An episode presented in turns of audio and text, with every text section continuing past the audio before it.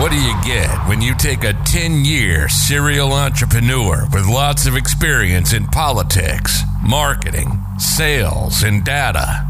Someone who has a broad network in Holland. And what we mean by that is he's plugged in. And then you give him a microphone, you get the Ed Factor. The Ed Factor. Edward Nandalal. Interviewing the most well known Dutch entrepreneurs, musicians, politicians, and anybody else that has something to say that you need to hear. This is the Ed Factor. Dat komt in de omschrijving. Oh ja. Dus dat eh, komt goed. We zijn eh, begonnen, Laurens. Oké, Ja, leuk, eh, leuk dat je er bent. We hebben elkaar een tijdje niet gezien. zeker. Maar hoe gaat het nu met je? Gaat hartstikke goed. Nee, zeker. Ik, eh, het is druk. Ja? Ja, ik ben met veel dingen bezig. En, eh, dus, eh, Wat houdt je allemaal van de straat? Oh, ik ben een speelfilm aan het maken. Ja. In die zin, ik ben in, het aan het prepareren om het Ja. gefinancierd te krijgen. En, en ik hoop gewoon dit jaar die, de, de film gemaakt te krijgen. Die film had eigenlijk vorig jaar gemaakt moeten worden.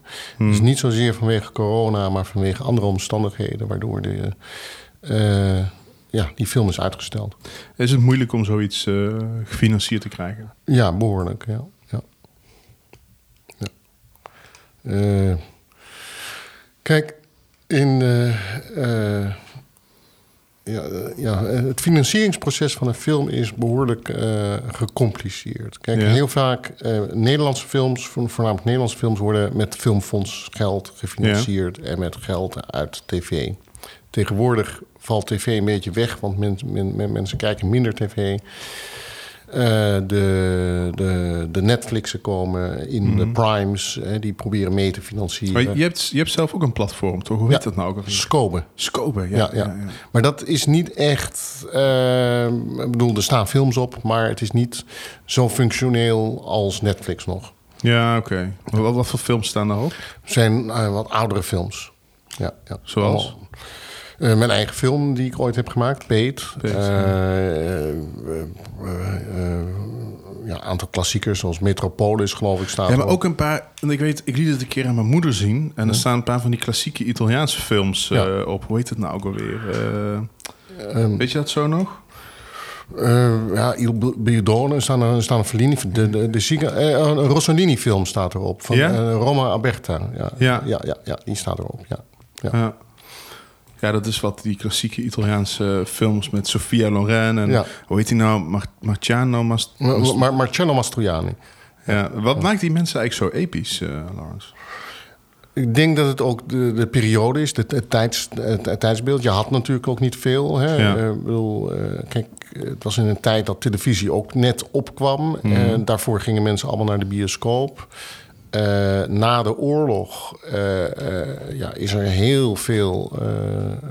beg- begon de filmwereld behoorlijk te veranderen. Ja. De, de auteurscinema kwam op. En daar liften mensen als Mastroianni op mee. Of die zijn daar eigenlijk heel erg belangrijk in geweest. In, in, in het vormen van die, dat tijdperk. Eh, ja, het is gewoon de moderniteit van die tijd. Daar, waar, waar zij, eh, daar maakte zij deel aan van. Maar als je Sofia Loren bijvoorbeeld... Ja, oké, ze heeft dan onlangs in een film gespeeld... die volgens mij heel eh, succesvol was. Maar als zij nu was begonnen in deze tijd... was zij dan nog steeds zo'n succesvolle actrice geworden? Ik denk het wel. Kijk, je moet de, eh, de kwaliteit van die acteurs niet onderschatten. Ook al ziet het er allemaal, eh, zijn het niet altijd goede films. Eh, denk je van ja, het is oppervlakkig. Dat is niet zo. Nee? Het is, nee, ik bedoel, zelfs Marilyn Monroe, hè, die werd in haar tijd altijd een beetje een oppervlakkig meisje gezien. En dat, dat, wat die vrouw doet en, en kan, dat, dat zijn geen mensen die dat kunnen. Eh, ook een mooi voorbeeld is Greta Garbo. Als Ja. je die ziet acteren in de film Ninochka uit de jaren 30 van uh, Lubitsch, is, eh, is zo fenomenaal. Dat, dat kunnen actrices van nu, kunnen dat bijna niet meer. En ik weet ook dat je me ooit vertelde... als je gaat kijken naar bijvoorbeeld een Arnold Schwarzenegger. Hm. Dat is een geniale acteur eigenlijk. Terwijl je dat zo eigenlijk niet zou zeggen. Je denkt dat is, dat is iemand met een, met een gek accentje eh, die misschien wat kans heeft gekregen. Maar volgens mij, als je hem nou tegenover Pierre Bokma zou zetten, zou je dan een verschil zien? Uh, je laat ze Hamlet spelen. Ik weet niet of Arnold Schwarzenegger zo geniaal is, maar er zit een bepaalde professie achter. En uh, ze zijn zo professioneel. Ze weten wat ze doen. Ze weten wat, wat hun capaciteit is. En, daar, en dat buiten ze uit. En ik denk dat. Uh, ik denk dat, dat, dat het veel verder gaat dan de Nederlandse uh, acteurs. De, de, buitenlandse acteurs zijn echt vele malen professioneler. Ze staan op een veel hoger plan. Ja, is dat met, met als je bijvoorbeeld naar Amerika kijkt, ja, dat is, dat is een, volgens mij een vrij uh, gepolariseerd uh, land. Uh, rijk en arm, die, die, die, echt met de klasse heb je daar niet. Um, maar toch valt het me wel op dat heel veel kunst, cultuur, acteurs, maar ook muzici, als je, als je het niveau ziet van muzikanten en acteurs in de Verenigde Staten, dat is, dat is, onvoorstelbaar goed. Zelfs mensen waar waar het niet zo van zou verwachten. Maar eh, hebben, hebben we dan in Nederland niet zo'n cultuur, denk je? Of waarom, waarom is dat contrast zo groot, überhaupt met Europa? Um, ik denk dat met Amerika het vergelijken is. Uh, kijk, juist dat het verschil tussen arm en rijk, hè, dat, dat je moet knokken daarvoor om, ja. om aan de top te komen, en dat dat erg belangrijk is. Uh, het is daar, Amerika is altijd een, een, een competitiemaatschappij geweest. Mm -hmm. bijvoorbeeld, is een heel mooi voorbeeld over Shirley MacLaine. Die gewoon ja. in, uh, op Broadway, ze was een understudy. En de, de hoofdrol, die werd ziek. Of die brak haar been of weet ik veel. Ja. En zij moest invallen. En zij was zo eager om gewoon zo goed te zijn... dat zij won gewoon die plek. Zo. En daardoor is hij dus zo, zo beroemd geworden. Maar er, er ja. zit een soort eagerness in van ik moet gewoon de beste zijn. Ja. En daar moet ik alles voor doen.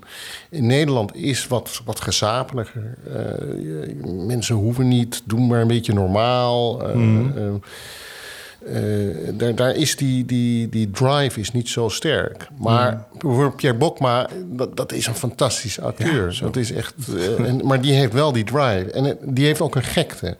Ja, maar dat is... Ik, bijvoorbeeld, jij hebt uh, gewerkt met Tycho Gernat, weet ik, voor je film Peet. En dat is volgens mij best wel... Ik wil niet zeggen verknipt, ik wil niks verkeerds over om zeggen... want misschien zit hij hier over een paar weken wel tegenover me, wie weet. Maar... Um, hij is een beetje gek. Volgens mij slaapt hij ook helemaal niet. Maar ik vind persoonlijk vind ik hem een van de, van de betere Nederlandse acteurs. Gewoon omdat hij dat. Ik, ik, ik, weet, ik, kom, ik kom uit Venlo. En je had die film uh, van God los. En er zit op een gegeven moment, het gaat over de bende van Venlo. Dat is, dat is in die regio waar ik vandaan kom. Dus dat, dat heeft, hebben mensen het nog steeds over.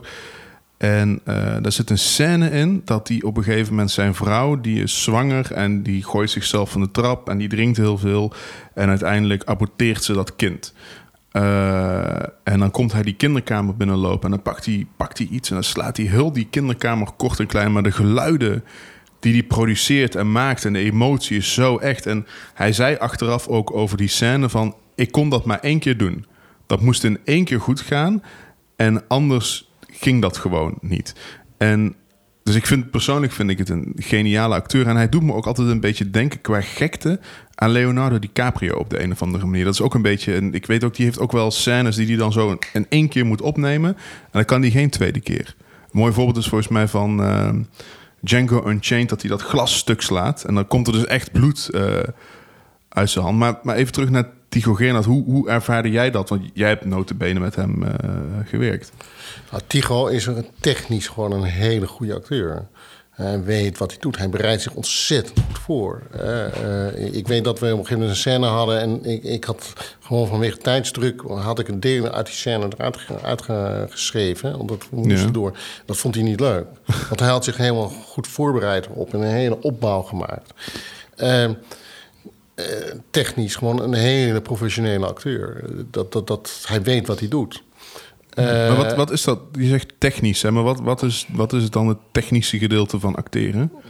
Uh, ja, hij, um, hij, ja, technisch is dat, hoe je je stem gebruikt, hoe je, hoe je beweegt, hoe je denkt, hoe je je gevoel opbouwt van, van één naar, naar een ander moment. Ja. En dat zijn allemaal stapjes die je doet. Kijk, en het is niet zo dat je, eh, als je boos of verdrietig bent, dat je dat dan ook helemaal bent. Hè? De- Kijk, de method acting, Ja. die in de tijd eh, door Brando en eh, zelfs Al Pacino, Ja. en dat, die, dat, die werkt dan, maar daar heb je verschillende interpretaties op. En uiteindelijk gaat het over techniek, over van hoe, hoe, hoe, hoe bereid ik me voor. Hè, een acteur als Laurence Olivier, die zei altijd van ja, voor, als ik een rol oppak, dan, dan kijk ik eerst van hoe loopt dat karakter en wat voor neus heeft hij. Dus hij ging een neus maken om hij zei van als ik die neus heb en dat lopen, dan, dan voel ik mijn techniek en, en dan voel ik mijn, mijn motoriek. En van daaruit kan ik die emotie cre- creëren die er moet zijn. Dat heeft, bij iedereen is dat anders. Eh, maar je moet als acteur, een goed acteur, tenminste dat is mijn beleving, Ja. moet wel ergens een, een, een steekje los bij zitten. Ja. En dat is niet zozeer dat ze allemaal gek zijn of zo, maar eh, je, je moet een beetje eh, toch eh, anders zijn en gecommuniceerd om een andere, ander personage te kunnen, kunnen spelen. Nou, wat, wat me ook heel moeilijk lijkt, vooral van een acteur als Tycho Gernand, is, is dat hij gaat er helemaal in, zeg maar. Dus om, ik heb het wel eens het idee dat... Kijk, ik denk niet dat hij zo'n... Ja, je zegt het zelf, hè, niet zo'n method actor is. En dus ik heb ook veel te weinig verstand van om daarover te oordelen. Maar laat ik het zo zeggen. Ik kan me voorstellen dat het ook emotioneel heel vermoeiend is... als je zo'n scène moet spelen waarin zoiets met je vrouw gebeurt... in plaats van kinderkamer kort en klein... of welke scène dan ook, dat je dat een paar weken nog in je systeem blijft zitten... na zo'n rol. Of onderschat ik dan eh, de professionaliteit? Ja, ja, ja, ja, ja. Het is niet zo dat als ze een hele emotionele scène hebben gehad, dat ze daar dagen nog eh, last van hebben. Dat, dat, Het is wel zo dat een, een echte method actor gewoon heel lang. Eh, eh, in, in de voorbereidingen van zo'n rol, hè, dat ze dus drie maanden aan het filmen zijn, dat, die, dat ze helemaal in die rol, rol gaan en van daaruit eh, hun techniek uitvoeren. Hè. Al Pacino is daar, en Robert De Niro is daar Ja. een groot voorbeeld. Robert De Niro ging echt in, bij de Deer Hunter ging hij, in, de, in, de, in, in de staalfabrieken werken om, om te weten hoe het is om een staalarbeider te zijn. Hè, hij ging taxis rijden in de nacht in New York voor de taxi driver. Kijk, dat, dat, dat doen acteurs wel. Maar in principe is het zo dat als ze een emotionele scène hebben... en ze moeten daarna weer een andere eh, eh, scène doen...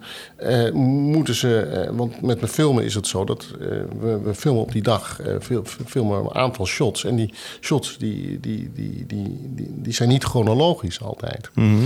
Dus... ehm, en een van de dingen, bijvoorbeeld, ik ben nu bezig met de film Amsterdam Airbnb.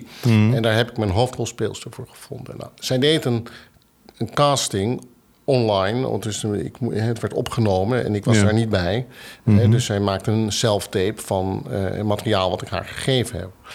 En, eh, en- en daar ben ik geen voorstander van, want ik zit er niet bij en ik kan geen aanwijzingen geven. Dus eh, zij maakt die self-tape. En die Ja. self-tape is eigenlijk helemaal niet goed. Maar op het laatste moment, echt in de laatste 10 seconden, zie ik dat ze iets met haar ogen doet.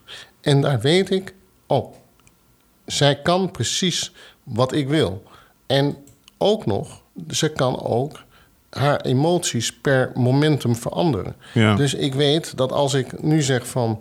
Oké, we hebben nu deze scène gehad. We gaan nu naar de volgende scène, maar daar ben je blij. En daar, daarvoor was je verdrietig en nu ben- moet je heel blij zijn dat ze dat kan. Mag je vertellen wie het is? Of is dat nog een Eh, nee, nee, nou, Ve- Vexilla, dat een Griekse actrice. En Waar, waar zou ik haar van moeten kennen? Of kennen? Je kent haar niet, ze is beroemd in Griekenland. Ah, oké. Nou, dat, is, dat is wel, wel leuk. Nee, maar Ja. Eh, je hebt heel veel acteurs, voor ook in, in Duitsland, eh, Italië. Ja, goed. eh, Hm. Dat is qua, gaat mijn hart natuurlijk een beetje naartoe, gezien mijn afkomst. Maar eh, dat er heel veel goede acteurs die helemaal niet bekend zijn natuurlijk. En, ehm, maar is het ook... Want kijk, stel nou eens voor, je hebt een actrice of acteur A. Ehm, dan wil het niet zeggen dat jij daar een 10 van kan maken. Dus je hebt misschien ook acteurs die minder goed zijn, maar omdat jij op de een of andere manier goed met ze kan levelen, dat je dan het uiterste uit ze haalt. Of onderschat ik dan weer de professionaliteit van de acteur? Kijk, eh, je, hebt, je, hebt, je hebt verschillende manieren. Kijk, je, je hebt het theater. Daar is de acteur veel zelfstandiger. Ja. daar heeft de regisseur, die geeft de regieaanwijzingen. En de acteur moet, zich, eh, moet het maar, maar doen op het toneel. Op de film is het anders. Daar is de regisseur natuurlijk vele malen belangrijker. Ja. Want wat doe je, is dat je eh, daar waar de zwaktes zijn, dat, daar, daar, daar draai je omheen of dat snij je weg. Of dat, hè, je zorgt in ieder geval dat de zwaktes, of iets van een performance die aan één kant goed is, maar daarna weer slecht. Maar ja, de take Ja. is, is de beste, dus dan probeer je het beste eruit te halen. Eh, uiteindelijk is je voorbereiding altijd ontzettend belangrijk. Dus je moet met je casting director moet je gewoon de juiste acteurs vinden. En als je de juiste acteurs vindt, waarvan je denkt, oh, die, die werken, die doen hun werk goed, dan, dan komt het allemaal goed. Dan, dan hoef je je ook niet druk om te maken. En heb je ook al een mannelijke acteur op het oog? Eh, ik heb eh, mannelijke acteurs op het oog, eh, maar dat wil ik nog niet. Nee, waarom niet? Ja, omdat. Tipje van de sluier. Ja, kijk, nou, Laat ik het, ik- laat ik ik zal- anders vragen. Ja. Stel je nou eens voor, met welke acteurs zou je nog willen samenwerken? Oh, er zijn er heel veel. nou, kijk, ik, is wel voor Amsterdam Airbnb heb ik bijvoorbeeld gekeken naar Kevin Spacey. Oh, ja, maar kan hij over Kevin Spacey gesproken? Wel Heel eventjes. Kan hij nog zijn reputatie herstellen? Of is die hele cancelcultuur gewoon toch een beetje overdreven? Nou, kijk, ik, ik, ik ben een beetje wars van die cancelcultuur. Dus daar wil ik Kevin Spacey gewoon... dan denk ik van, die man is zo goed. Dat is zo'n goede acteur. Als je ziet bijvoorbeeld Ja. in, in, in, in die eh, serie... eh, House of House, Cards. House of Cards. Ja, en dan maken ze een één, af, één, één seizoen zonder hem... Ja. Nou, dat zakt in elkaar. Dus je ziet dat hij is de, de power van, van, de- van, die, van dat, hele, dat, dat hele ding. Ja. Nou, dat, dat, ja, Wat, wat maakt hem goed?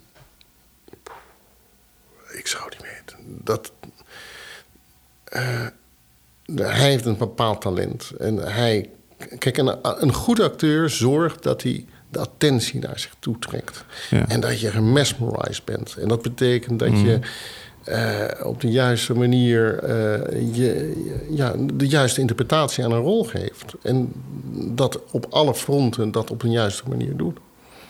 Eh, ja, ik bedoel, ik heb het wel eens bijvoorbeeld Al Pacino, die speelde in Ocean 13 Ja. met George Clooney, Matt Damon, Brad Pitt.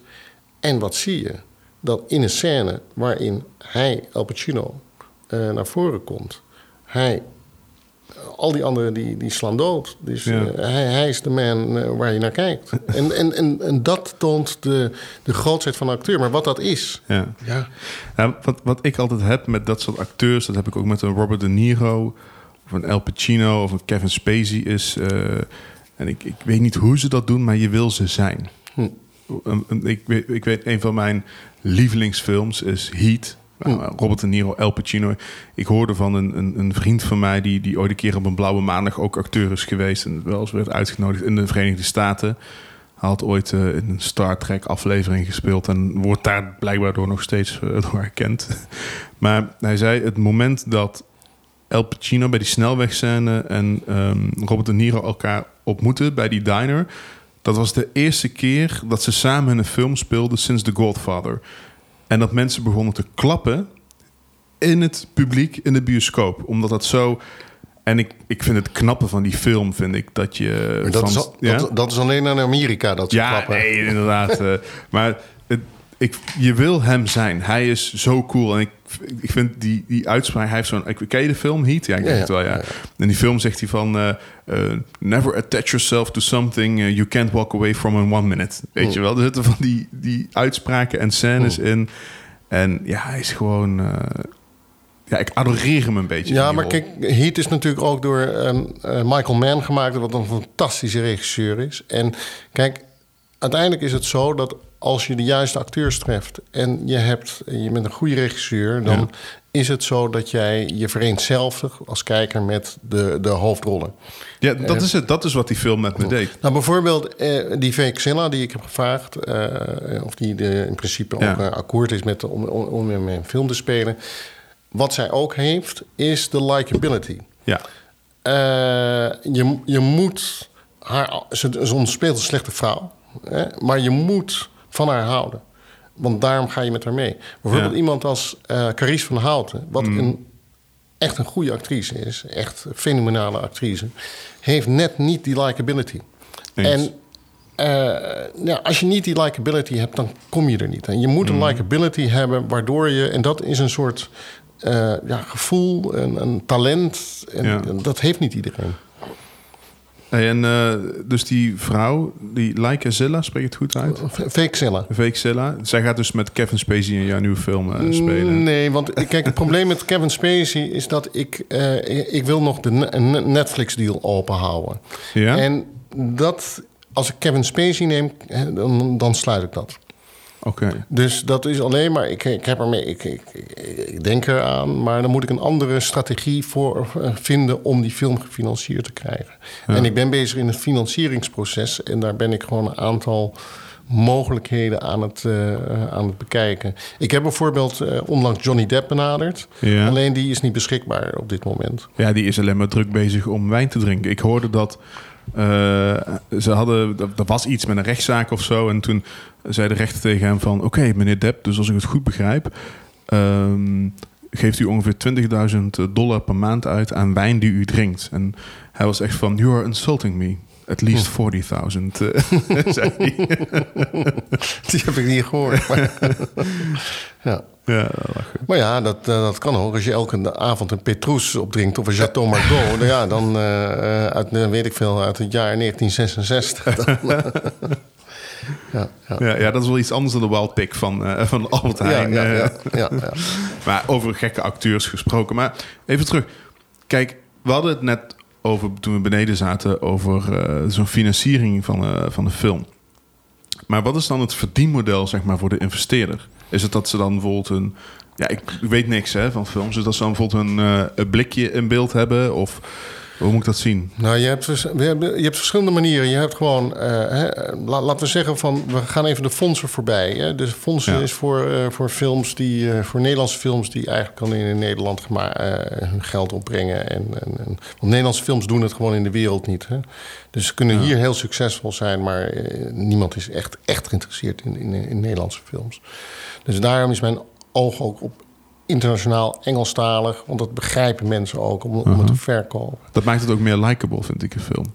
Dat kan, maar eh, dat, dat, dat, dat- kijk, voor men, er zijn ook heel veel Nederlanders die kijken niet naar Engelstalige films. Die willen gewoon Nederlands, ne, ne, ne, ne- ne- Nederlands product zien natuurlijk. Ja. Eh, en dat geldt natuurlijk ook in Frankrijk, Italië, in welk land dan ook. Of eh, Russen, die willen alleen maar Russen zien. En dat, dat, dat is.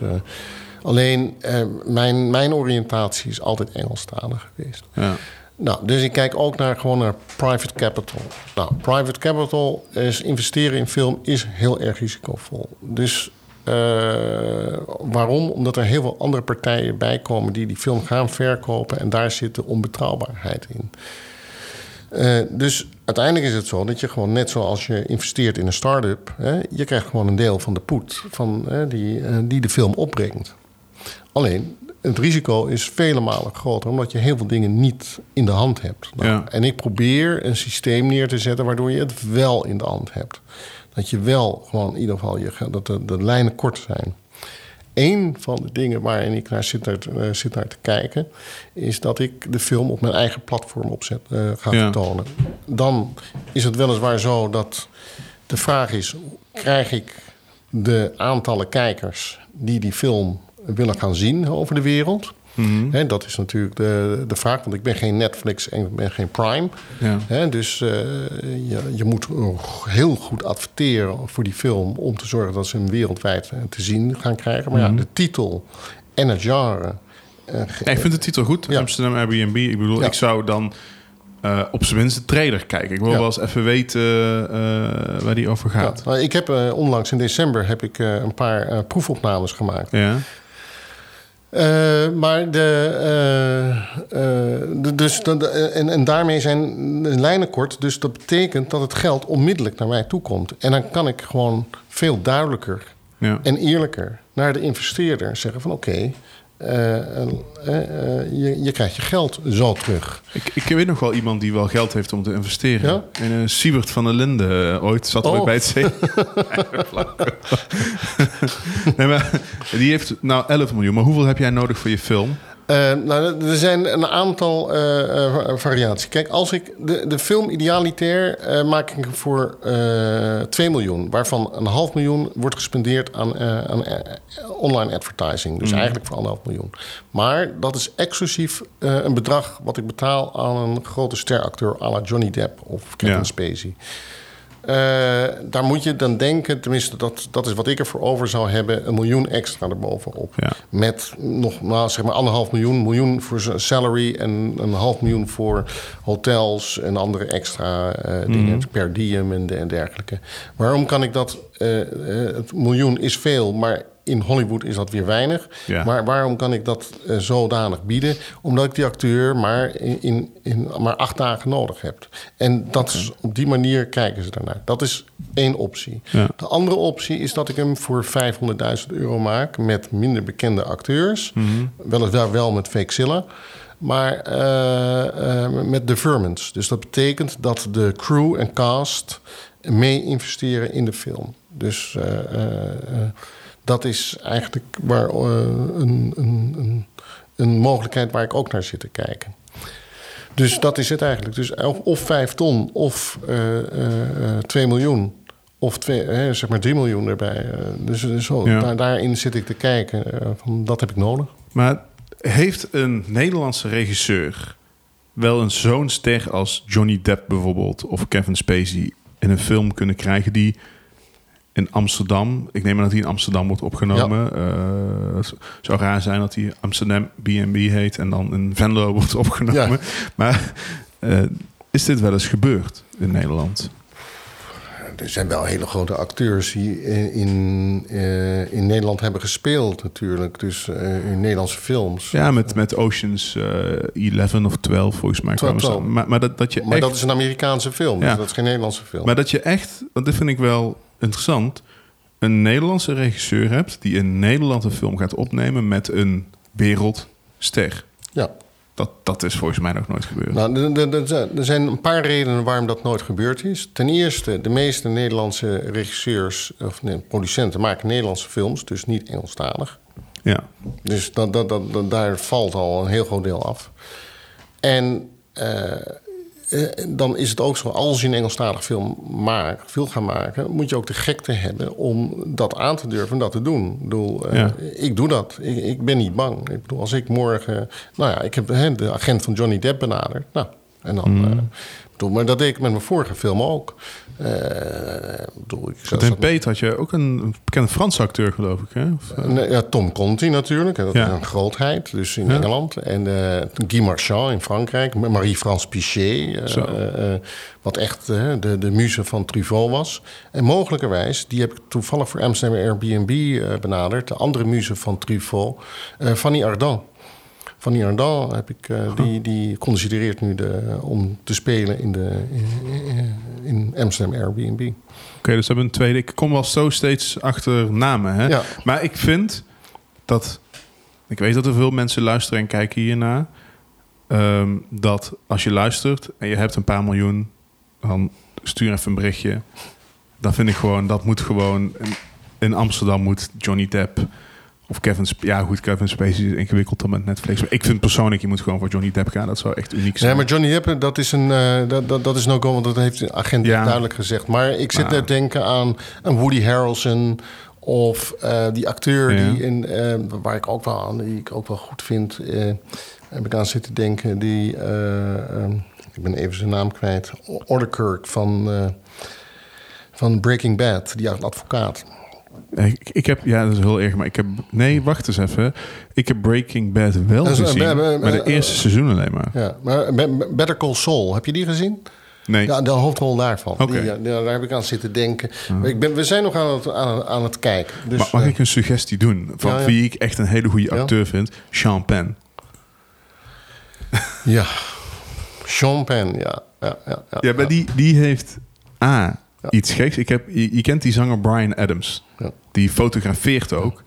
En die heeft foto's gemaakt van Sean Penn. En dan denk je, ja, die man is gek. Maar echt op, op een leuke manier. Maar ik vind dat zo'n ontzettend geniale Je geeft me wel een idee. Je geeft me een idee. Ja? Ja, ja, ja. Ja. Ik ga hem kijken. Ja, nee. Zo'n film ehm, met eh, Michael Douglas ook, The Game uit 1997. Ik weet niet of je die kent. Dat vind ik persoonlijk... en Ja, ik keek, toen ik jong was, had ik die natuurlijk gezien. Dus dat blijft je dan een beetje bij. eh, maar, Nee, maar Sean Penn is, dat, ik bedoel, in mijn ogen, Sean Penn is een van de grootste acteurs die er is. Dat, dat, dat is echt, die man is top of the bill. Maar is er zeg maar, als je, als je gaat kijken naar eh Penn, Johnny Depp, El Pacino, als je ze allemaal naast elkaar zet, zitten daar nog verschillen tussen? Of is het dan meer een soort van, zijn het dan verschillende smaakjes? Het is anders. Anders. Het is allemaal anders. Maar ze zijn allemaal eh, top. Ja. Maar kun je, kun je ze ook allemaal in één film zetten? Lukt, komt het dan nog over? Of is het dan een beetje eh, of? Ja, maar het moet passen ook. Kijk, het, het- je moet ook voorstellen dat heel veel van die mensen hebben ook grote ego's. Hè? Ja, daarom. Dus dat, dat, dat is, ik, ik heb het ervaren met mijn film Peet. Heb ik dat echt ervaren. Ook tussen de wat. Hè, ik bedoel, het zijn ook grote acteurs, maar niet zo beroemd als de Depps en de Pacino's. Maar de. eh, eh, eh, daar is. Kijk, het probleem is dat die ene acteur zegt: ja, maar ik wil die rol spelen. Nou, waarom speelt hij die rol? Weet je, dat, Ja. dat, dat, dat- daar, daar krijg je het al mee. Dus het is heel moeilijk om. En soms, kijk, zoals met Heat, hè, daar is toch wel het idee geweest: laten we de twee Ja. grote, hè, die Pacino en De Niro, bij elkaar zetten. En dan Ja. op een gegeven moment zeggen die agenten tegen, die adviseren ze. En dan denken ze van ja, why not? En laten we het een keer doen. En dat, zo, zo komt het. Maar op het moment dat je. En Ocean 12 of Ocean 11, Ja. ja, dat, dat is ook gemaakt vanuit een soort lol. Dat, dat, zie Ja? je, ja, dat zie je aan alles. Dat die mensen hebben, zijn zulke goede vrienden van elkaar... dat ze het met lol hebben gedaan. Ja. Het is een, een hele andere mo- motivatie. Hey, als je nou eens drie films zou moeten noemen... waarvan je zegt van als je geïnteresseerd bent in, in film... in de breedste zin van het woord...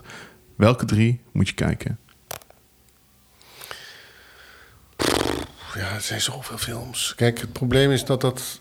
Het is een moeilijke vraag om aan mij- te stellen... omdat ik ben heel eclectisch. Ik heb heel veel gezien. Er zijn films waar, ik, eh, waar ik een preferentie naar heb. Maar als je gaat zeggen van ja, eh, je wil... Maar gewoon educatief meer, zeg maar. Hè? Dat je zegt van, anders die acteur en die deed toen voor het eerst dit... en dat heeft de Je film moet, je, moet nooit naar, je moet nooit naar acteurs kijken. Acteurs is een heel ander ding. Je moet naar film kijken. Ja. Eh Noord by Northwest. Dat is echt een film waar heel veel dingen bij elkaar komen die, eh, eh, die gewoon goed zijn. Op alle fronten. Hè. Op spanning. Op, ik ken de film niet. Waar gaat die over? Noord by Northwest, Nee. Alfred Hitchcock. Een wereldberoemde film. Die moet je echt gaan zien. Noord by Northwest. Met Gary. Grant en Eva Maria Saint. Oké. Dat is ook een van de meest erotische scènes in een trein, eh, eh, treinwagon. Oh, dan wil ik En hem zien. En dan, ja, maar, maar dan denk je erotisch, blote tieten en weet ik veel. Nee, Het kunst van het weglaten. Ja, echt de wijze waarop die twee met elkaar... En het is zo'n goede film. En Hitchcock is natuurlijk de meester. Hè, eh, is een van de mensen die de filmgrammatica heeft, eh, deels heeft uitgevonden. Dus, Ja. eh, en, de, en North by Northwest is echt de laatste film die hij gemaakt heeft... die echt goed was. Oké. Dus hij heeft meerdere goede films gemaakt, maar dit was echt Ja. een, een- een top of the bill. Ehm, ja, ik, vind, ik vind dat zo moeilijk. Ik bedoel, eh, John Cassavetes heeft helemaal... Als het over acteren gaat, Ja. dan moet je films van John Cassavetes zien. Dan moet je Faces zien. Want John Cassavetes maakte films vanuit uh, uit een acteursideologie. Oké. Dat is En interessant. dat, zijn, ou- dat zijn ook oudere films. Maar ja, kijk, ik hou erg van... Ik vind mijn- een van mijn meest favoriete films... is In the Mood for Love van Wong Kar-wai. Want dat is een film die je in een scenario bijna niet kan vatten... omdat het gaat over, over een soort verlangen... wat ongrijpbaar is. En dat bleek ook tijdens het draaien. Die hebben zeven maanden lang gefilmd. Zo. En ze wisten ook op een gegeven moment niet meer wat ze aan het doen waren. Maar dat is zo'n prachtige film. Dat is, zo'n, dat is poëzie. Ja. Dus eh. Over scenario's gesproken. Je vertelde mij dat jij een scenario had geschreven. eh, als ik dat mag zeggen, denk het wel. Over een Joodse vrouw die verliefd wordt op een Duitse SS. Of misschien moet je dat vertellen. Ik, vind, ik vond het eigenlijk heel interessant. Nou, ik, ik, ik ben bezig met een, een aanvraag bij het Filmfonds. En eh, ik heb een verhaal eh, bedacht over een, een, verhaal, een SM-relatie tussen een, eh, een Joodse vrouw Ja. en een eh, Duitse SS-officier net na- nadat de oorlog is afgelopen. Waardoor Ja. de rollen zijn omgedraaid. Ja. De Duitser moet onderduiken. En, eh, maar dat is nog een heel pril stadium. En het, wat het interessante van die film kan zijn, is. ehm, eh, eh, het gaat voorbij het idee van de oorlog van goed en slecht. Het gaat Mm. over wat is liefde, wat is. Hè, wat, wat, wat is het gaat over vertrouwen eigenlijk. Dus eh, Nou, dat, dat is SM. ja, ja. Want je moet eh, de andere persoon vertrouwen, jezelf overgeven. Ehm, als je de controle verliest. En ik, vond het nou heel interessant omdat er een aantal universele waardes in zitten. Door je zegt, er is geen goed of fout. Eh, liefde staat boven alle partijen, denk ik altijd. Ik bedoel, uiteindelijk zijn we allemaal mensen. En eh, ja, het vertrouwen wat je zegt. En vooral wat ik de twist vind, is dat... Want je zei van, dan moet hij onderduiken... op het moment dat de oorlog voorbij is. Ja. En dan, dat is ook interessant, want dan krijg je natuurlijk ook... wat doet macht met mensen? Hey, en nou weet ik dat je zelf Sephardisch Joods bent. Vertel Nou, ik ben, ik ben niet Joods, maar ik heb een Servanische achtergrond. Van, van, van, van mijn moeders kant. Ja, maar dan, dan ben je denk ik... Of was je, Nee, mijn moeder is ook niet Joods. Maar wat- Tenminste, niet, niet eh, volgens de Joodse leer. Want ik heb een, eh, een via My Heritage heb ik Ja. een, eh, ze betalen hier niet voor dat ik dat zeg, maar vond het gewoon grappig om dat te doen. Hebben ze een, een test, heb ik een test laten doen, zo'n DNA-test. Dan moet je zo in je mond een swa- swab maken. En ik kwam dus uit, en ik had het vermoeden ook wel, eh, dat ik ook Sephardisch-Joodse roots heb. Nou, misschien zijn familie. Ja, wie weet. En, en, maar dat is dan een beetje zo vanuit Noord-Afrika zijn die mensen naar Spanje gegaan. En vanuit Spanje zijn ze in mijn geval dan weer in Italië eh, terechtgekomen. En je ziet het ook aan mijn... Ja, dat is heel raar, maar als ik kinderfoto's zie van mijn moeder... en ik weet niet of Anne Frank Sephardisch Joods was... maar dat is net bijna precies hetzelfde. Daarom had ik dat vermoed. Maar dat kan zijn dat dat heel... Anne, Anne Frank was Askenazi. En Askenazi, waar komt Ja. dat vandaan dan? Dat zijn de, Noord, eh, de Joden uit Rusland, Polen, Duitsland. Ja, nou, in ieder geval dan gewoon heel toevallig... dan lijken ze op elkaar. Tenminste, dat is, ik chargeer natuurlijk, maar eh, Ja. ik ben niet zo ontzettend op de hoogte wat nou precies Askenazi, wat Sephardisch is. Maar Sephardisch weet ik wel. Eh, de, de Portugese en Spaanse Joden die tijdens de Gouden Eeuw naar Nederland kwamen, dat waren Sephardische Joden. Maar je ziet jezelf dan, je profileert jezelf niet als Joods persoon of zo. Nee, nee, nee. Ja. Dat doe ik zeker niet. Nee. Ik heb er wel veel affiniteit mee, maar Ja? ik, ben, ik ben niet Joods. ja, ik heb zelf ook wel affiniteit mee, want ik vind het wel eh, interessant volk, laat ik het zo zeggen. Ja, Ze komen nog eens ergens en eh, zijn niet rancuneus, dat vind ik interessant.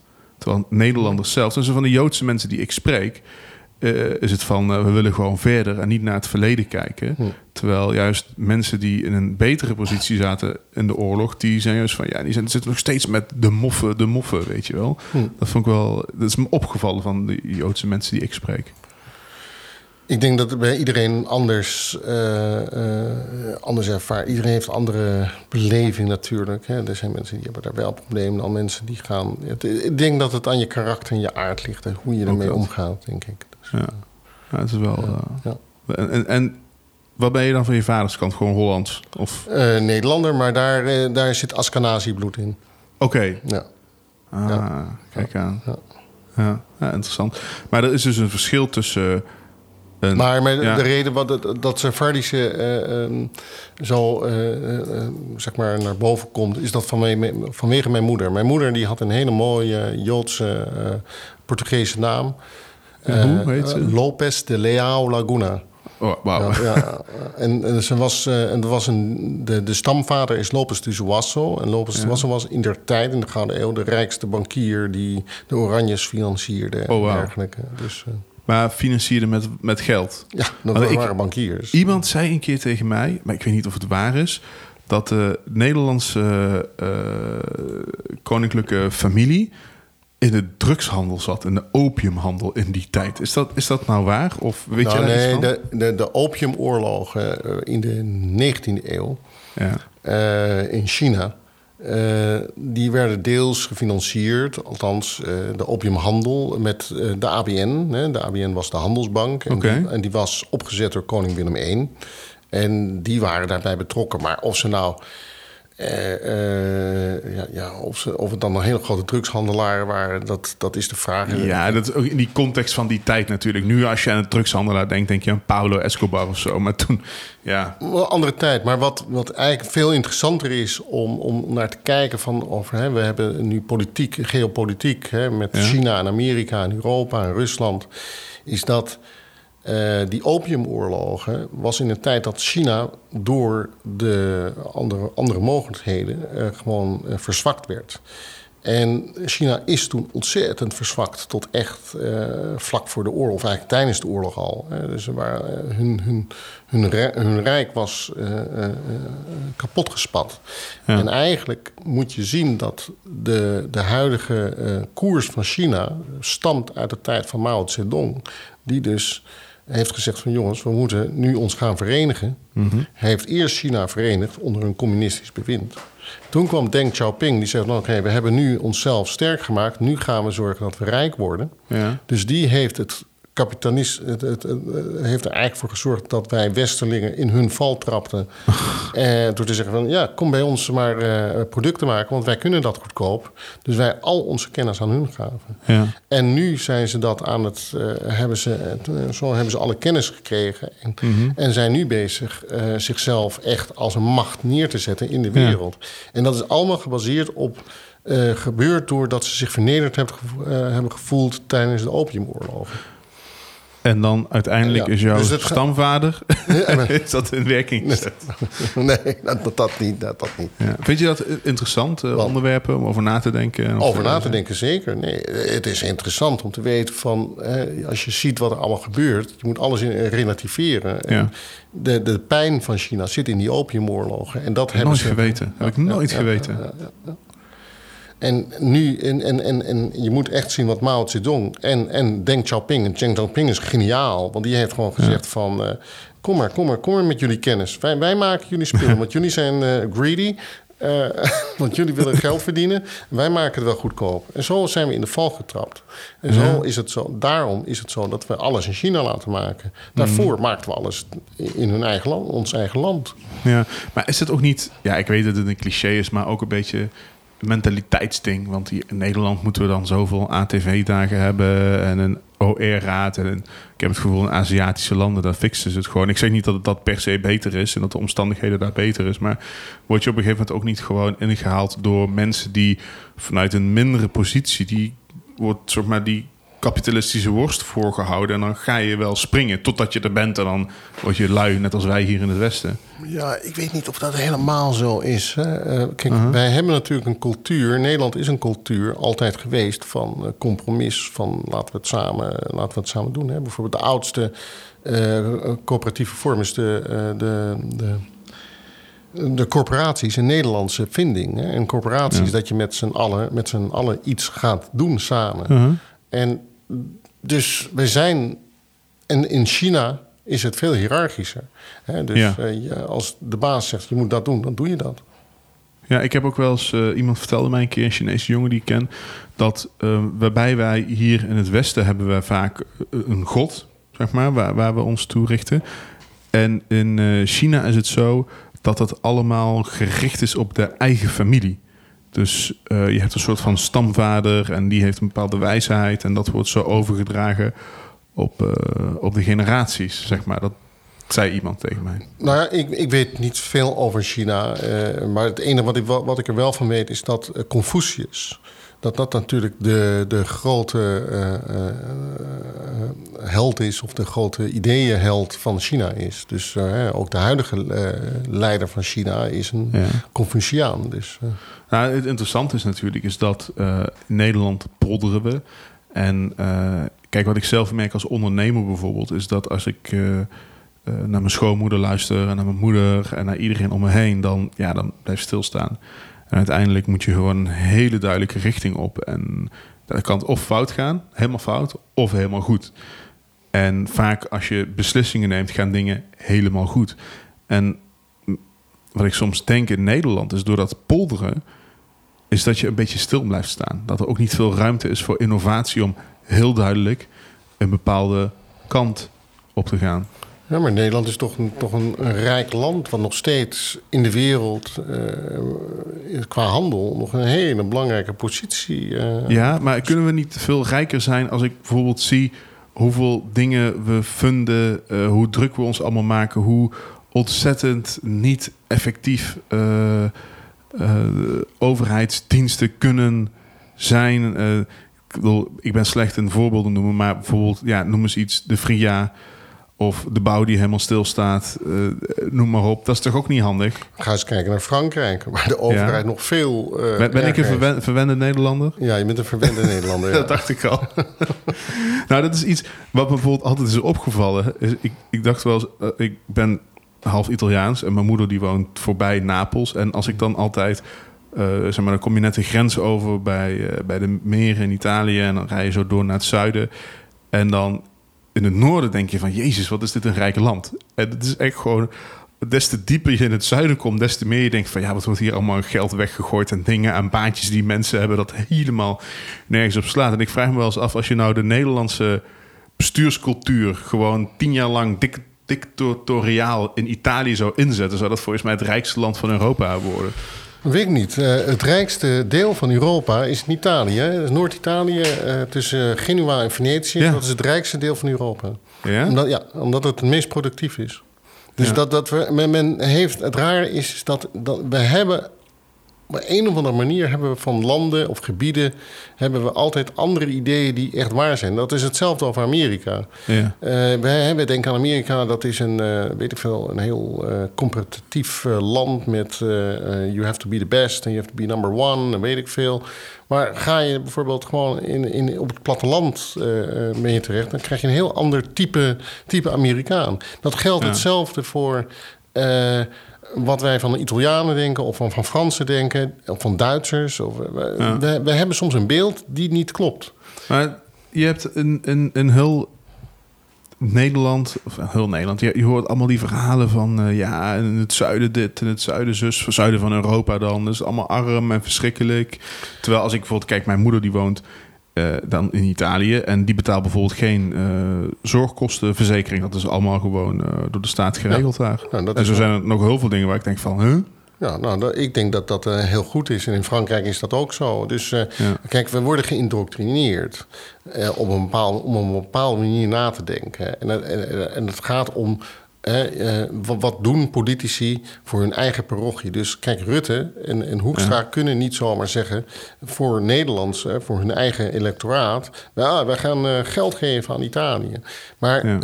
Eh, het probleem is waar ze mee zitten, en dat, dat vergeet iedereen, is dat er gewoon echt afspraken worden gemaakt die in wezen naar het electoraat van Rutte en, en Hoekstra eh, gewoon niet duidelijk wordt gemaakt. Want die, het gaat gewoon door. Eh, Ja. Dat geld gaat gewoon naar Italië, naar Frankrijk en dergelijke. Maar En dat heeft- en wij dat- krijgen geen geld. Ja, wel, ik, ik weet het niet. Hè. Ik, ik zeg, ik, vanuit een lekenperspectief, hoe moet ik dat zien? Ik denk dat wij helemaal niet weten wat er precies wordt afgesproken. En dat heeft te maken met het feit dat ook geld is ook een heel groot fictief iets. Dat is een afspraak. En daarbinnen, op dat, op dat niveau, worden afspraken gemaakt die de gewone burger eh, niet kan begrijpen. Ja. En dat kan je ook niet verkopen. Want als de burger dat doorkrijgt, dan, dan, dan, dan breekt de hel los. Dus ze vertellen hele andere dingen naar ons ja, dan dat ze daar afspreken. En waar gaat het om, uiteindelijk om? Is dat overal in de wereld, en dat is ook met de hele coronacrisis zo, dat er gewoon dat, dat de rust terugkomt. En dat men gewoon kan zorgen dat mensen gewoon op een veilige, eh, normale manier kunnen leven zonder dat je je zorgen hoeft te maken. Ja. Hey, en over de coronacrisis gesproken, wie gaat nou de eerste film maken hierover? Oh, nee, ik- ben niet geïnteresseerd in de coronacrisis. Nee, Nee, ook niet. ik- Een ik hele, niet. hele, Nee. hele foute, fictieve film over dat het toch in een lab is gemaakt. En, eh, Nou, ik heb toevallig net een, eh, een, een, een, een clipje gemaakt van een vriend. Die heeft een, een, een, liedje gemaakt over de corona girl die eh, in een lab, uit een lab komt. Dus ik heb dus nu een, een corona filmpje gemaakt. Maar de, de, ehm, ik, sta, ik kijk heel anders naar die dingen. En ik ben niet geïnteresseerd in dat onderwerp. nee. Nee, nee, nee. Maar moet je geïnteresseerd zijn in bepaalde onderwerpen om daar per se een film over te maken? Of vind je soms het verhaal ook gewoon interessant?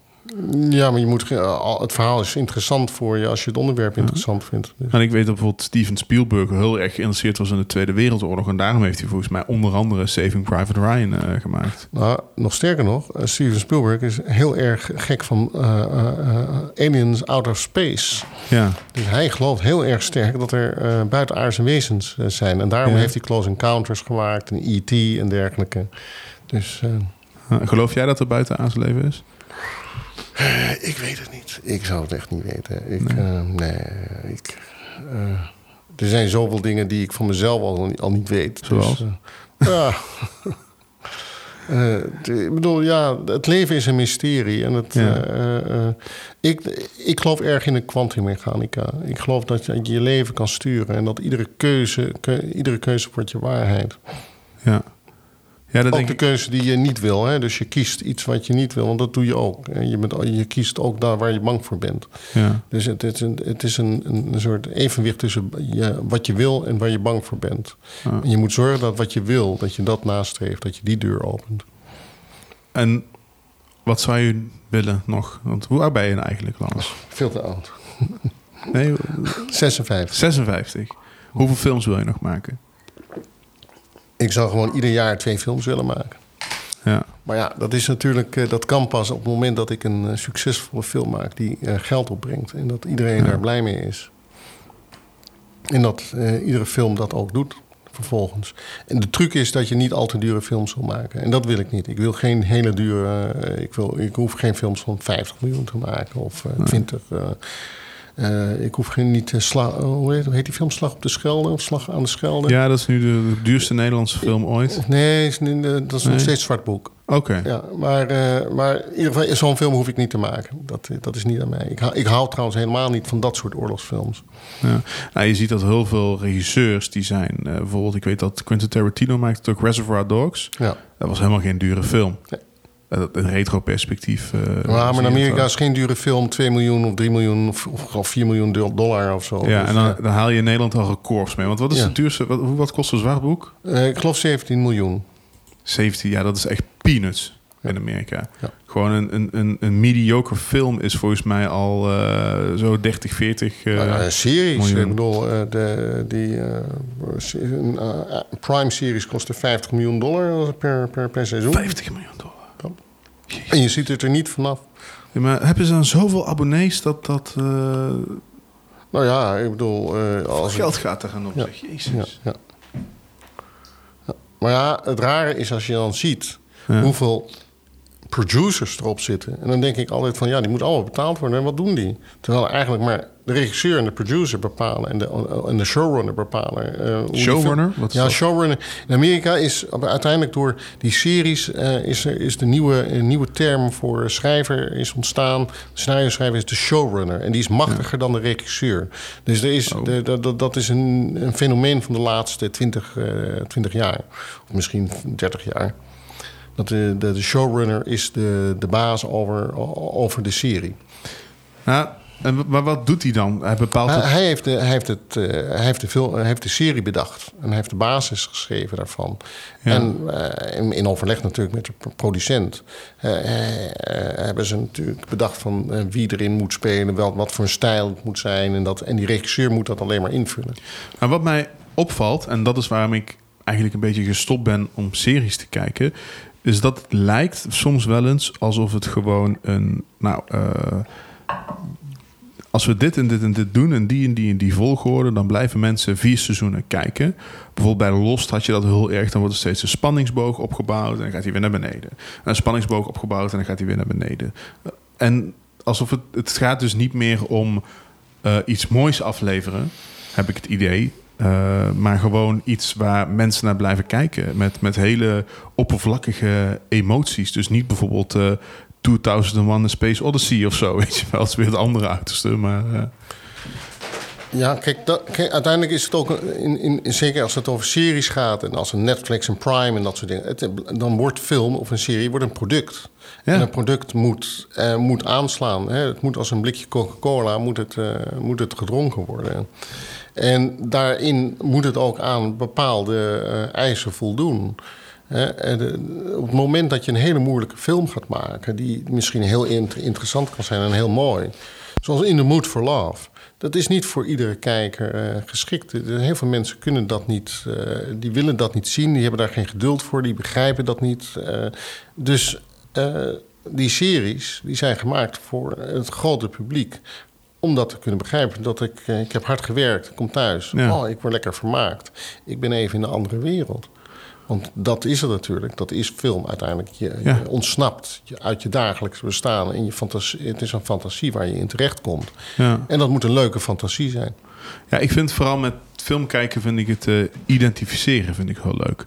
En ik, ik hou ook altijd heel erg eh, met series en films van historische films en series. Bijvoorbeeld, ik heb toen op Netflix heb ik in één keer uitgekeken alle seizoenen van Vikings. Ik weet niet of je dat kent. Ik heb het niet gezien. Ja, ik denk jij als regisseur zal daar vast wel een mening over hebben van oh dit of het is niet helemaal super geacteerd of maar ik vond gewoon het historische eh, en ook gefictionaliseerd, want heel veel weten we niet over die tijd. Vond ik gewoon zo, eh, zo leuk en interessant. Eh, en ook leuk om mee te identificeren met die mensen. En een beetje, ik hou ook altijd wel van soort van voyeurisme, dat je een beetje door het sleutelgat mee kan kijken in een bepaalde tijd. En dat is volgens mij ook waar Stanley Kubrick eh, groot mee is eh, geworden. Dat een beetje van, vanaf een afstand gewoon iets laten zien. Ja, kijk, film is sowieso veel voor, voor? Dus eh, je, je kijkt naar een andermans verhaal. En, en dat trek je aan of niet. Ehm, kijk, ik zelf kijk, ik kijk altijd naar een film, ik vind het leuk of niet. Ik ga niet als een techneut kijken Nee? van of nee, Oh, dat is helemaal niet. Nee, Ja. nee, dat doe ik niet. Dan zou je verwachten van wel. eh, Dat- ik, ik, ik zie het wel. ja. Kijk, en, eh, natuurlijk, eh, vooral als het slecht is, dan weet je, oh ja, ja dat is niet goed. Dat is Ja. niet goed. Dat, dat, hè, maar ik ga niet kijken, want als ik namelijk technisch ga kijken, dan ga ik vooringenomen kijken. En dan ervaar ik niet wat een ander dat vertelt. Dat is hetzelfde als jij mij een verhaal vertelt. En ik ga Ja. kijken hoe jij je zinsbouw doet. En hoe jij je, Ja. dan, dan, dan ervaar ik jouw verhaal niet. Dan, dan ervaar ik de techniek van je verhaal. En dat, dat, dat is niet interessant. Het interessante is wat je te vertellen hebt. En hoe, Ja. vertel je dat op een foute manier? Hè, of een incorrecte manier? Eh, blijkbaar kan het soms zo zijn dat hoe incorrect je het vertelt... dat het zo'n bijzonder verhaal is dat, dat je blijft luisteren. Dat je het wil weten. Ja. Dus je moet nooit naar de techniek kijken. Je moet altijd gewoon ervaren wat, wat iemand neerzet. Ja, en als iemand eh, een slechte film maakt, ja, dan dat weet je na tien minuten. En dan zeg je van, ja, hier heb ik geen zin in. Dat is hetzelfde als ik naast jou zou zitten en jij vertelt een, een heel saai verhaal. Maar ik denk van, ja, daar heb ik geen zin om naar te luisteren. Ik zeg van, ja, ik ga nu even, eh, even koffie halen eh, en loop ik weg. Hè, dat is idem dito. Dus, eh. Ja, want kijk, bijvoorbeeld eh, over verhalen gesproken. Als je kijkt naar eh, The Godfather, dat is eigenlijk een heel simpel verhaal. Hmm, weet ik niet of dat een simpel verhaal is. Nee? Het, is het is heel. nee, het is niet zo'n simpel verhaal. Omdat het, het is gebaseerd op, op ware verhalen uit de maffia. Ja. Daar is het op gebaseerd. Mario Puzo heeft dat in haar tijd dan opgeschreven. Dat heeft op een, net zo, eigenlijk is het niet zo'n fantastische schrijver. Net zoals Dan Brown niet echt een hele grote, grote schrijver is. Maar eh, wat Puzo en Brown allebei heel goed konden... op een hele simpele wijze schrijven... waardoor je een groot publiek kon benaderen. Dus Het was gewoon eigenlijk een soort eh, een doktersromannetje eigenlijk, eh, The Godfather. Alleen, het was een doktersromannetje... wat een bepaalde interesse had in die tijd. En eh, waardoor het opgepakt werd en dat men het ging verfilmen. En dat is natuurlijk ook speelfilm, is vaak zo. Dat, dat zei Hitchcock altijd. Die zei van ja, kijk, ik, ik moet geen literatuur verfilmen. Nee, ik moet gewoon eh, pulp verfilmen. Want dat is film. Film is sterk door het pulpgedrag daarvan. Daar, eh, Wat is pulpgedrag? ja, Pulp, eh, net zoals Pulp Fiction van, van Tarantino. Dat is, een, dat is niet hoogwaardig literatuur. Ja. Dat is gewoon eh, eh, de detective die, eh, die aan lager wal is geraakt. Mm. En, eh, en, en makkelijk te doorgronden, zeg maar. Weet je, de archetypes, zeg maar. ja, je werkt met archetypes een beetje. Ja, ja. maar zitten er in de Godfather archetypes? Nou, Nou, ik vind Sonny bijvoorbeeld, eh, dat is het archetype van iemand die niet nadenkt. En dat zie je bij The Godfather 3 ook als zijn zoon in één keer op de proppen komt. Vind ik, hebben ze trouwens wel leuk gedaan. In The Godfather 1 zie je dat ze dan stiekem, eh, dat hij vreemd gaat. ja, En dan in The Godfather 3 is die zoon er en heeft Ja. precies hetzelfde ja. eh, gedrag als zijn vader. Dat hebben ze wel grappig gedaan. Maar dat is een archetype. Dan heb je El Pacino natuurlijk, die Michael Corleone speelt. Dus het archetype van de rustige jongen die, die nadenkt. En, Ja, eh, in deze zin in The Godfather, eh, Michael Corleone is de hoofdrol. Het is niet Ja. Tito Corleone, het is, het is niet Ja. Marlon Brando. Het, is, eh, het verhaal gaat eigenlijk over Michael die zegt van... ik ben niet één van hun, terwijl hij één van hun is. Hè? Want Ja. hij zegt in het begin, eh, op dat feestje tegen eh, Kay Adams... tegen Diane Keaton, zegt hij van... Ja, kijk, ik ben niet... that's not me. Terwijl hij Ja. juist, hij Ja. is de eerste. Hij is de, eh, want hij, hij gaat dus... Die, Voor die- zijn eigen broer. ja, uiteindelijk vermoedt hij Ja. ook zijn eigen broer. Ja, ja, De mooie scène ook. Dat dan, dan zoent hij hem zo en dan zegt hij van... eh I always know it was you of zo. Zegt hij. Wat zegt hij nou tegen hem? Nee, In nou, Cuba, dan breekt net die crisis bij Godfather 2. Is dat? Ja. Ja. Nou ja, kijk, het is natuurlijk, het gaat ook over vertrouwen natuurlijk. Hè. Het is, eh, en hij Ja. is, eh, ik bedoel, eh, dat zegt hij ook in Godfather deel, deel 2. Het moet van iemand van binnenuit zijn geweest. Ja. En, ja, en uiteindelijk is het zijn broer geweest die daarbij betrokken is geraakt. Nou ja, dat is. maar de, de, ehm, eh, het verhaal is het verhaal van Marco Corleone. En dat is het Ja. ook in deel 1. Terwijl iedereen dacht al, hè, het is de film met Marlon Brando. Maar het is... eh, Maar dan als je bij deel 2 kijkt, eh, dan zie je, dan krijg je ook het verhaal van Vito. ja. Hoe die in Amerika aankomt. Dat vind ik ook. Ja, oh, ik krijg kippenvel als ik erover nadenk. Hoe dat is opgezet met die. Dat hij uiteindelijk wraak neemt op die man die zijn vader heeft vermoord. Er zit ook weer zo'n boodschap in. Volgens mij dat je. Je moet. eh, nooit vergeten, volgens mij, dat is in de maffiawereld de boodschap, en heel vroeger ook altijd al. Je moet de zonen moet je ook doodmaken, want die komen altijd op een dag wraak nemen. Dat is waarom ze, dat, waarom ze hem gaan zoeken. Want van, ja, anders komt hij op een dag terug. En dan komt hij daar in Italië, is hij zeg maar gearriveerde eh, eh, gangster, zeg maar, als het ware. En dan komt hij daar met zijn, met zijn familie en dan zit er toch nog iets dirties in hem. Dat hij denkt, oké, ik ga hem doodmaken. En dan zo die scène met dat mes over zijn borst. Natuurlijk, filmtechnisch gezien hartstikke niet, helemaal niet mooi. Maar dat, ma- dat, dat maakt het ook weer zo mooi. Nou, wat The Godfather, en zeker de film, het boek eh, wat minder, maar eh, de film heel bijzonder maakt, is dat het eigenlijk een Griekse tragedie is. Eh, want de, de, de, de wijze waarop het is opgezet is een Griekse tragedie. En dan moet je gewoon Aeschylus of Sophocles erop naslaan. Hè? Bijvoorbeeld de Oresteia. Hè? De- het gaat altijd over de wraak. Eh, in de Griekse tragedies. Dat van, je doet iets en het, het noodlot is eigenlijk al bepaald. Eh, eh, Een soort van fatalisme. fatalisme. Het is een, het is een, en wat mooi daaraan is, is dat de Godfather toch, als je kijkt naar heel veel andere verhalen, voortborduurt op de Griekse tragedie. heb ik nooit geweten. Ja, Ja. ik ben een leek, hè? Dus Ja, nee, dat begrijp ik. Leuk vanuit een lekenperspectief. Ja.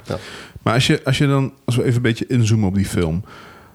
Ehm, jij zegt van, het is Michael Corleone eigenlijk waar het verhaal om gaat. En niet zozeer Vito. Maar waarom, waarom, is die, waarom gaan ze in deel 2 dan zo in op die achtergrond van Vito? Is dat een beetje show maken? Of? Nou, kijk, dat wordt natuurlijk. Kijk, wat gebeurt vaak in. in, in, in, eh, ik weet niet of, het, of in het boek van The Godfather. of daar juist. volgens mij in het boek van The Godfather. eh, wordt dat juist beschreven, dat, dat, dat deel uh, alcohol. Maar Ja. wat, wat gewoon heel vaak gebeurt, is de, de backstory. Eh, als je een film maakt, heb je een backstory. Eh, Maak je met Amsterdam Airbnb, heb ik ook backstories van de, de reden waarom mijn moordenaars eh, moordenaars zijn geworden. Nou, dat heb je ook. En dat is soms Ja. interessant materiaal om uitleg te geven van hoe iemand gekomen is, zoals hij gekomen is. En dat was natuurlijk ook nog zo, zeker in de jaren zeventig, toen de maffia zo'n ontzettende, eh, eh, ja. toch een ding was in Amerika. Men daar meer van wilde weten. Van hoe zijn die mensen zo geworden? Hoe kwam een Italiaan eh, in, naar Amerika en werd hij maffiabaas? Daar, daar, zijn, daar, daar, daar, daar zijn. en dat is natuurlijk fictief. Hè, want Kijk, ze hebben altijd gezegd dat, dat, dat Vito Corleone gebaseerd is op Carlo Cambino, uh, een van de grootste maffiabaas in New York in der tijd. Ja. Maar het is een combinatie van dingen geweest. Want de echte verhalen over de maffia, die zijn, ze zijn weer uh, totaal anders. Uh -huh. Maar ze hebben gewoon stukjes eruit gehaald uh, ja. en gecombineerd. Dus ze waren laten inspireren. Zeg. Maar dat is net zo goed als Citizen Kane bijvoorbeeld van, van Orson Welles. Hè, dat is gebaseerd op, wordt, wordt gezegd dat op William Randolph Hearst gebaseerd is. Maar uh, uh, Orson Welles en Mankiewicz hebben gewoon daar ook stukjes uit andere tycoons, newspaper tycoons, hebben ze, hebben ze ja. stukjes uit hun leven gehaald en dat geïncorporeerd. Dus het is dus vaak een soort samenbal van een aantal personages door elkaar. Ja, even terug naar de Godfather wat mij altijd is bijgebleven van die film. En het heeft me ook een lichtelijk trauma opgeleverd. Want iedere keer als ik sinaasappels zie, dan denk ik dat ik doodga. dat komt door die film. Altijd, als je sinaasappels ziet, dan gaat er iemand dood. Ja, klopt. Dat hebben ze expres gedaan. Waarom? Ik weet het niet. Ik denk dat het een soort symboliek. Kijk, dat, ik, ik, weet niet of dat nou. wat de achterliggende gedachte is dat ze de sinaasappel hebben gebruikt. Alleen ik weet dat Coppola het leuk vond om met symboliek te werken. Wat voor symboliek heeft hij nog ja, meer? Gewoon, hij, dat, dat, dat weet ik niet. Maar hij had in ieder geval wel dat hij zei van... nou, ik wil ergens een voorbode neerzetten... dat je weet, het gaat nu gebeuren. Ja, uh, daar kan je leuk mee spelen, want dan ja, kan je het ook doen. En volgens mij...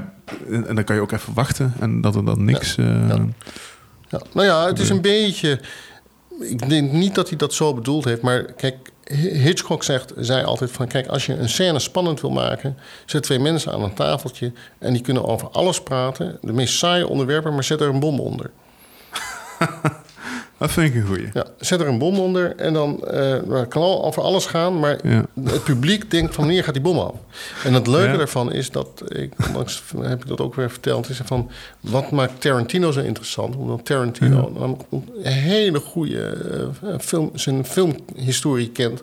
en heel veel... Uh, ja, jatten is niet het juiste woord, maar... Uh, geïnspireerd is en op, een, op een nieuwe manier uh, dingen combineert. En een van de dingen is in, in, in Glorious Bastards. Dan heb je die beginscène met die... Even denken, even denken. Glorious Bastards. Ja, met, met, die natie. Met, met die alternatieve... Met die geniaal hoe die het speelt. Die, hoe heet hij nou? Die Duitse, ja, Oostenrijkse acteur. Uh, Christopher Waltz. Ja, pff, nou, nou, die heeft in het begin een scène uh, dat hij bij een familie komt, maar er zit een Joodse familie ja, onder. Oh mijn nou, god, ja. ja, zit, ja.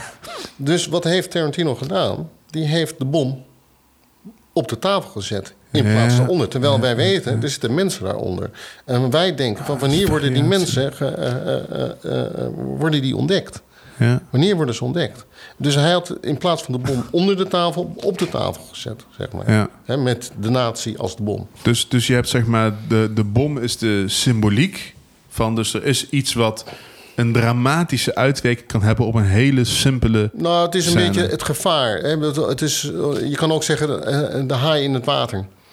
Ja, precies. En wanneer de, je weet dat er een haai in het water is. Dus als ik nu de zee in zwem, weet ik dat die haai misschien kan komen. Dat is wat er, wat, wat er speelt. Dat is de bom onder de tafel. Maar dat is natuurlijk ook die hele bekende scène in The Godfather. Um, dat dat geweer verstopt is. Of dat, is dat ook een variatie daarop? Dat, weet je wel, die scène dat het geweer verstopt is op het toilet... en nee. dat die agent uh, neerknalt. Nee, nee, nee. nee, nee. Dat, dat, is, uh, dat is puur een, een, een, een, narratief, uh, een narratief iets. Want je weet van... Ja. hij moet daar komen ongewapend... want hij wordt gefouilleerd. Dus hij kan dus in die zin niet ja, doodschieten. Ja. Dus... Uh, dat kan hij niet doen, dus dat pistool moet er zijn. Dat is een narratief ding. Dat is niks met de. Uh, hè, weliswaar krijg je. Uh, zeg maar de bom onder de tafel, als je daarover kan spreken, is het momentum dat hij met het pistool daar gaat zitten. Want ze zeggen, je Oh, moet en meteen doodschieten. Maar dat doet hij niet. Nee. Hij zit daar en je weet wanneer gaat het gebeuren. Want hij heeft nu Hè, uh, en je ziet dan die ogen van hem. En dan, Uh-huh. dan denk je van, oké, wanneer gaat het gebeuren? Dus, uh, Maar loopt het goed af natuurlijk. wat zijn nog meer variaties in films die je zo zou kunnen bedenken met, met die bom onder de tafel? Ik vind dat wel... Je, opent voor mij in één keer iets hoor. Want ik heb zoiets van, inderdaad... De, de, als hier een bom onder de tafel zou zitten en mensen zouden dat zien, dan zouden ze denken: holy fuck, wat een interessant gesprek, zeg maar. Nou, dan zouden ze niet... Dan denken ze van, wanneer... Godverdomme, mo- Ja. die- ze moet hier weg, ze moet hier weg, ze moet hier weg. Eh, eh, hou op met praten.